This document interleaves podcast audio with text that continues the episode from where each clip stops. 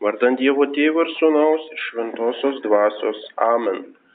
Rangus tikintieji, kaip žinome, Liepos 11 dieną brolyjos ketvirtoji generalinė kapitula išrinko naują mūsų brolyjos vyresnybę.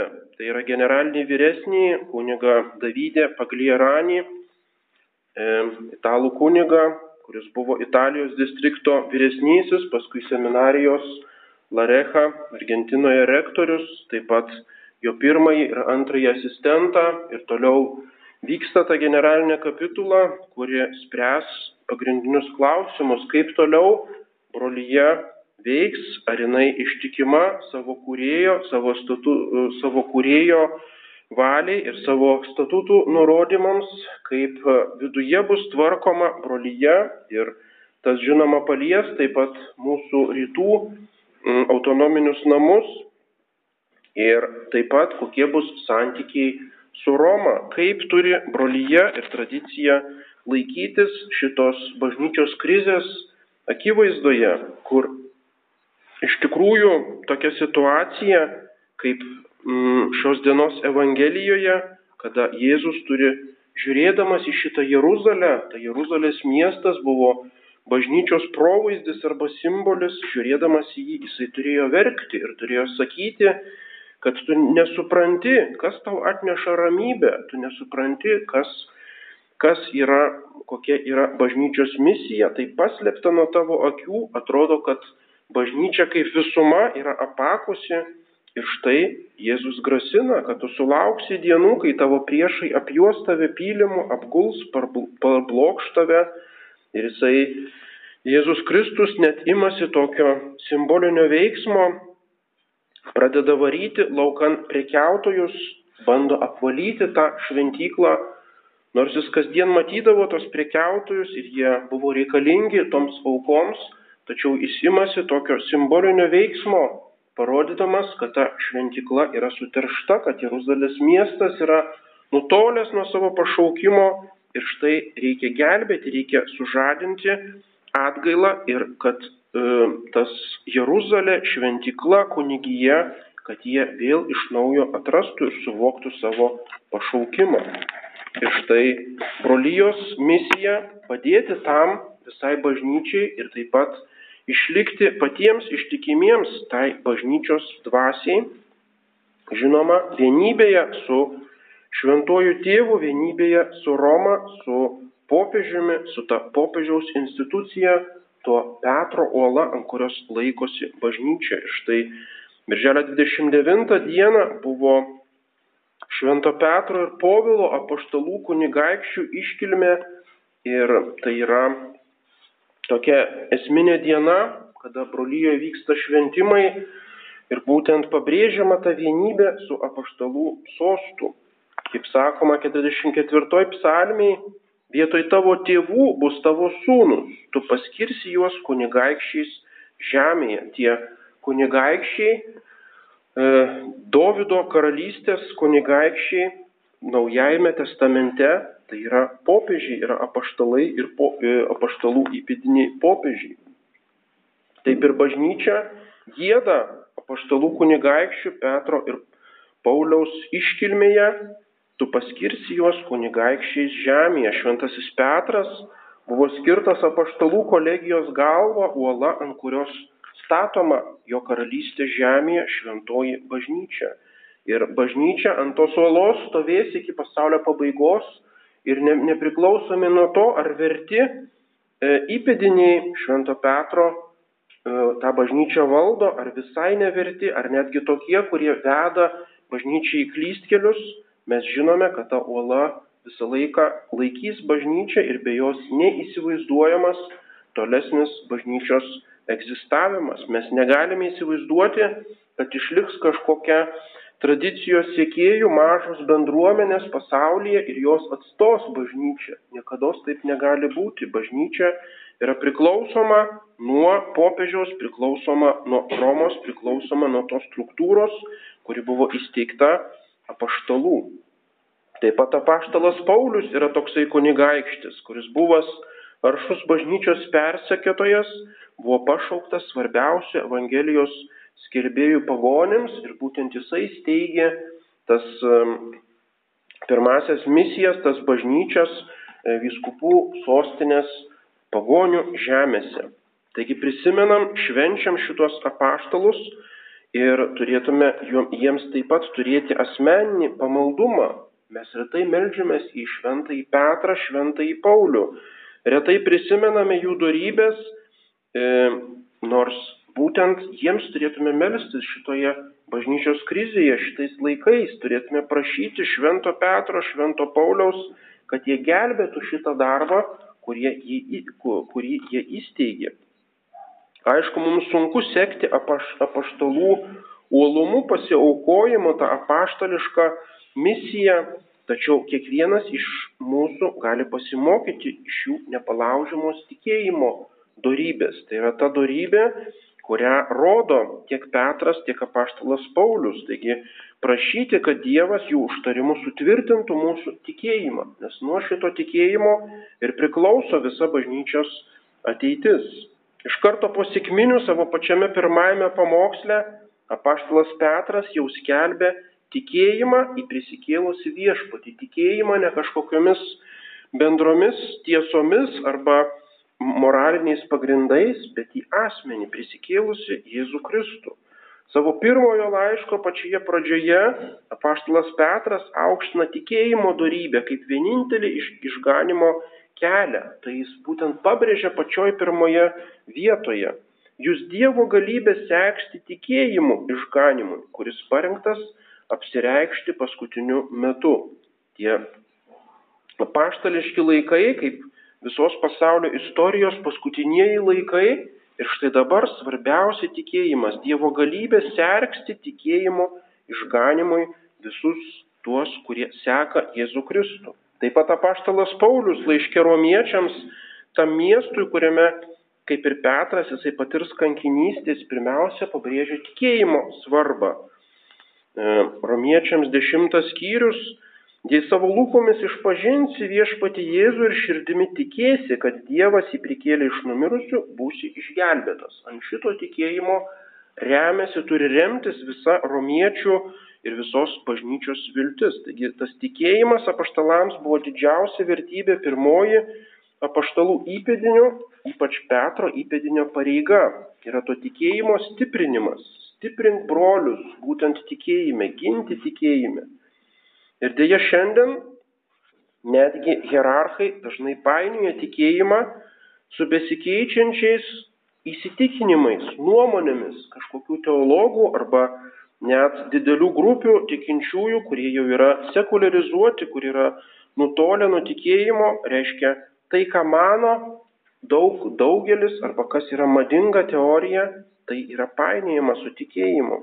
Ir tada tikėjimo skelbimas keičiamas kažkokia keista humanistinė ideologija, kurioje žmogus ir jo gerovė stoja vietoj būtent šito asmens prisikėlusio viešpatės, toks, koks jisai buvo ir ko, ką jisai mokė. Šita šventė apaštalų Petro ir Pauliaus svarbi brolyje, būtent tą dieną seminarijose švent, šventinami kunigai ir štai birželio 30 dieną buvo išventintas Viktoras Pacišnikas iš Rusijos, būtent mūsų autonominių namų, e, iš mūsų autonominių namų išėjęs seminaristas, kuris praėjo visą seminarijos kelią Caiskofinę ir priėmė kunigystės šventimus. Čia taip pat tose šventimuose dalyvavo delegacija ir iš Lietuvos, ir Deja, jisai pirmaisiais metais negrįš į mūsų autonominius namus, jisai e, pradeda savo kunigišką tarnystę Austrijoje, Jaidhofe, bet vis tiek tikimės, kad kada nors jisai prisidės ir prie misijos Rusijoje. Taip pat šita birželio 30 buvo svarbi data, būtent tą dieną Praėjo 30 metų nuo viskupų šventimų Ekone 1988 metais. Tai buvo svarbus įvykis brolyjos istorijoje ir sakoma, kad tai buvo lūžis arba skilimas su Roma. Tai yra netiesa, tai buvo kaip tik ištikimybės amžinai Romai šventajam Petrui aktas. Savo pamokslę tų šventimų progą arkivyskupas Marcelis Lefebras pavadino tuos šventimus operacija išlikimas. Tai yra tokia kaip ištikimybės veiksmas, kad išliktų tradicija, o kas tai yra tradicija, tai yra visa bažnyčia. Ir būtent tos tradicijos perdavimui, laikymui ir gynimui būtent ir skirta visa bažnyčios institucija, visa hierarchija ir Švento Petro įpėdinių tarnystė. Taigi, jeigu mes giname tradiciją, jeigu imamės tos operacijos išlikimas, tai tik tai demonstruodami tą didžiausią ištikimybę amžinai Romai. Tai yra išlikimas ne vien šitai kongregacijai, Švento Pijaus X brolyjai, bet visai mokymo liturgijos disciplinos tradicijai bažnyčioje, kurios perdavimas yra neįmanomas be viskupų ir be kunigų. Taigi tie viskupų šventimai buvo ištikimybės amžinai Romai aktas ir kaip parodė, tai buvo tikras apvaizdos e, providencinis toksai ženklas, nes be šitų viskupų šventimų nebūtų išlikusi tradicija, kuri dabar, nepaisant viso persekėjimo, išsilaiko ir e, verčia taip pat Romą atsigręžti į tas tradicinės mišes į tradiciją ir žiūrėsime, kaip toliau tas tradicijos darbas vystysis. Ir būtent ta tradicija, neperdodama savaime, jai reikalingi kunigai. Todėl būtent tą dieną paštalų Petro ir Paulios arba jai artimiausią šeštadienį būtent ir vyksta tie šventimai, kad susijęti kunigystę būtent su apaštalu, apaštalais Petru ir Pauliumi, nes kunigų ruošimas, jų ugdymas, kunigystė tai yra brolyjos veiklos centras ir tikslas. Taigi parodoma šito viso darbo, kad tai nėra kunigai, kurie šiaip savo e, vykdys kažkokius savo planus, tačiau būtent jie yra šventinami tarnystėj visai bažnyčiai. Naujieji kunigai šventinami ne kam kitam, Romos katalikų bažnyčios tarnybai. Ir savo studijų eigoje visi seminaristai mėnesį laiko praleidžia Romoje. Būtent specialiai paskiriama tokia kelionė, 30 dienų jie būna tame amžinajame mieste, aplanko apaštalų Petro ir Pauliaus kapus, kad persisunktų tą romietišką dvasę, tą pagarbą būtent katalikų bažnyčiai kaip Romos katalikų bažnyčiai. Kiekvienas vyskupas jau pačiais savo šventimais turi bendrą atsakomybę už visą bažnyčią. Tai yra numatyta netgi kanonų teisėje, kad vyskupas, žinoma, jurisdikcijos atžvilgių jis atsakingas tik tai už savo dieceziją. Tačiau kaip vyskupas šventimų gale, jisai turi bendrą atsakomybę už visą bažnyčią, jis yra apaštalų įpėdinis savo jurisdikciją, jis gauna ypatingą konkrečią atsakomybę už tą bažnyčios dalį, tačiau kaip turėdamas vyskupo šventimus, jis negali atsiriboti nuo visos bažnyčios problemų. Ir arkivyskupas Marcelis Lefebras tai suprato ir ne tik asmeniškai išlaikė tą tikėjimą, liturgiją, ką išmoko pats seminarijoje, Ne tik tai padėjo į besikreipiantiems seminaristams, įkūrė seminariją ir brolyje, bet skubėjo padėti visiems tiems sutrikusiems katalikams, kaip jisai rašo savo knygoje, sutrikę, kurie nežino, ką daryti, kurie pasimetę krizės akivaizdoje.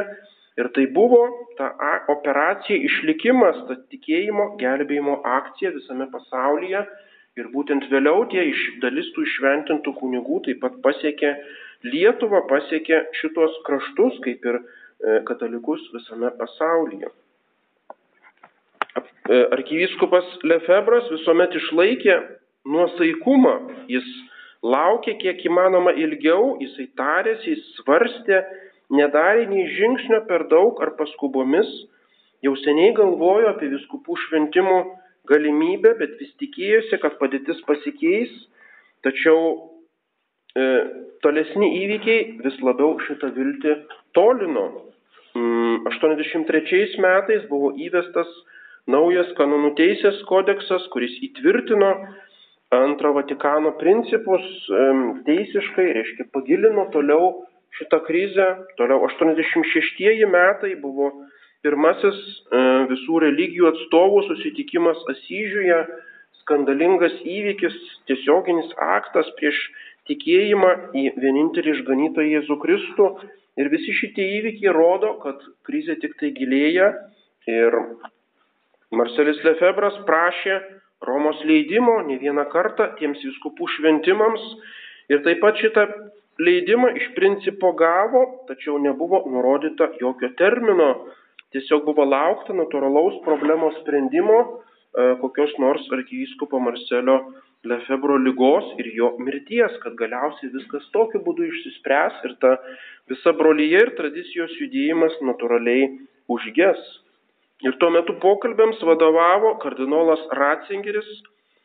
Jisai nenorėjo net kalbėti apie tikėjimo problemas, siūlė kažkokius praktinius sprendimus ir kurie visiškai nieko neduotų tai, tam tradicijos reikalui ir Marcelis Lefebras ėjo kaip įmanoma toli, jisai net pasirašė tokį susitarimo protokolą, mm, bet dėl to prarado dvasinę ramybę, jis suprato, kad e, yra viliojamas į tokią padėtį be išeities ir įsitikinęs, kad nesulauks jokių konkrečių, e, konkretaus termino, konkrečių pažadų, pamatęs, kad tik tai norima jį apgauti, jis būtent priėmė šitą galutinį sprendimą šventinti vyskupus be apaštalų sosto mandato. Žinoma, tai yra nusižengimas įstatymo raidiai, bet e, būtinybės būklė rodo, kad tai buvo vienintelis būdas išlikti. Ir atgavęs tą pirmykštę ramybę, ramiai ruošėsi viskupų šventimams, pats vyko į Romą, tenais pirko naujiesiems viskupams mitras, e, viskupų lasdas, rūbus, ruošėsi tai iškilmiai Viskupų šventimų išvakarėse prie seminarijos privažiavo juodas Mercedesas iš nunciatūros, tiesiog buvo stengiamasi kraštutinėmis priemonėmis, e, raginamas arkivyskupas nedelsiant vykti į Romą, kad jį tenai užlaikytų, kad visa ta paruošta šventimų ceremonija sužlugtų. E, Marcelis Lefebras nepasidavė spaudimui, nepasidavė tiems visiems gazdinimams, e, spaudos tai kampanijai prieš jį.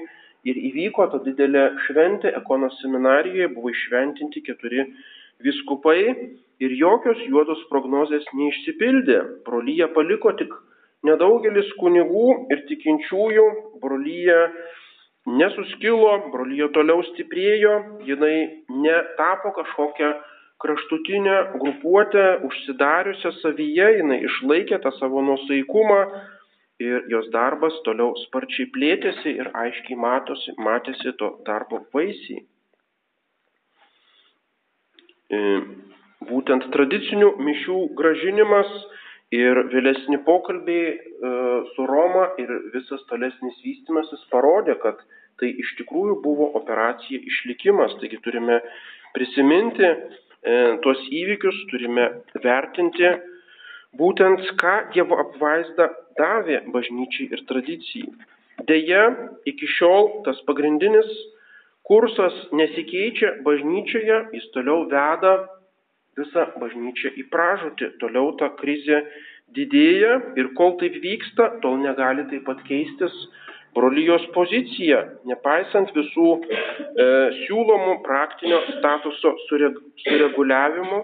Tas praktinis statusas vienai kongregacijai Pijaus X brolyjai tai nėra pats svarbiausias dalykas ir tai puikiai suprato ankstesnis brolyjos vadovas vyskupas Fele ir žinoma supranta ir dabartinis generalinis vyresnysis Paglierani ir tikrai tikime, kad toliau bus tęsiamas ta, ta, tęsiama ta operacija išlikimas, bus išlaikomas apaštališkas e, paštalų Petro ir Pauliaus tikėjimas ir mm, žinoma, toliau tęsiam, tęsiami visi įmanomi pokalbiai su Roma, teologinis pagilinimas, atkreipimas dėmesį į teologinės šaknis tos problemos ir galiausiai bus prieita kažkokių, kažkokių reformos žingsnių visoje bažnyčioje, kas bus į naudą visai katalikų bažnyčiai ir to turime prašyti Petrą ir Paulių, turime atnaujinti arba atrasti tą asmeninį pamaldumą šitiems bažnyčios kunigaikščiams, melsti jų, kad pagaliau šita krizė pasibaigtų. Amen. Vardant Dievo Tėvų ir Sūnaus ir Šventosios Dvasios. Amen.